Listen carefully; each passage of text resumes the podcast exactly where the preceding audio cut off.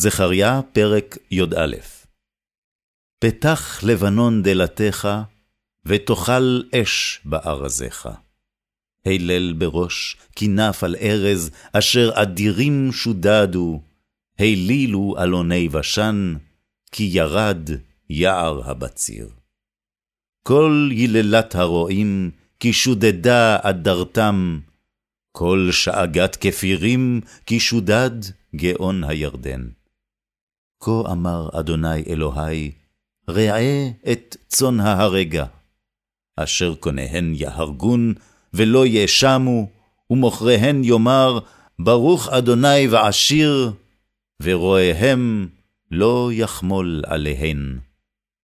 כי לא אחמול עוד על יושבי הארץ, נאום אדוני, והנה אנוכי ממציא את האדם, איש ביד רעהו וביד מלכו, וכיתתו את הארץ, ולא אציל מידם. ואראה את צאן ההרגה, לכן עניי הצאן, ואקח לי שני מקלות, לאחד קראתי נועם, ולאחד קראתי חובלים, ואראה את הצאן.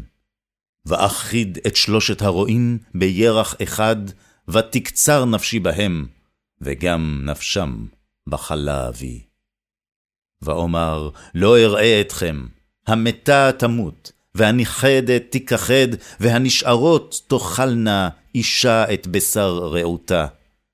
ואקח את מקלי, את נועם, ואגדע אותו, להפר את בריתי אשר קראתי את כל העמים. ותופר ביום ההוא, וידעו כן עניי הצאן השומרים אותי, כי דבר אדוני הוא.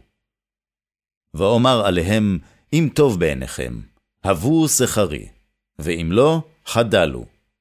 וישקלו את שכרי שלושים כסף. ויאמר אדוני אלי, השליחהו אל היוצר, עדר היקר, אשר יקרתי מעליהם. ואקחה שלושים הכסף, ואשליך אותו בית אדוני אל היוצר. ואגדע את מקלי השני, את החובלים, להפר את האחווה בין יהודה ובין ישראל. ויאמר אדוני אלי, עוד קח לך, כלי רועה אווילי, כי הנה אנוכי מקים רועה בארץ, הנכחדות לא יפקוד, הנער לא יבקש, והנשברת לא ירפא. הניצבה לא יכלכל, ובשר הבריאה יאכל, ופרסיהן יפרק.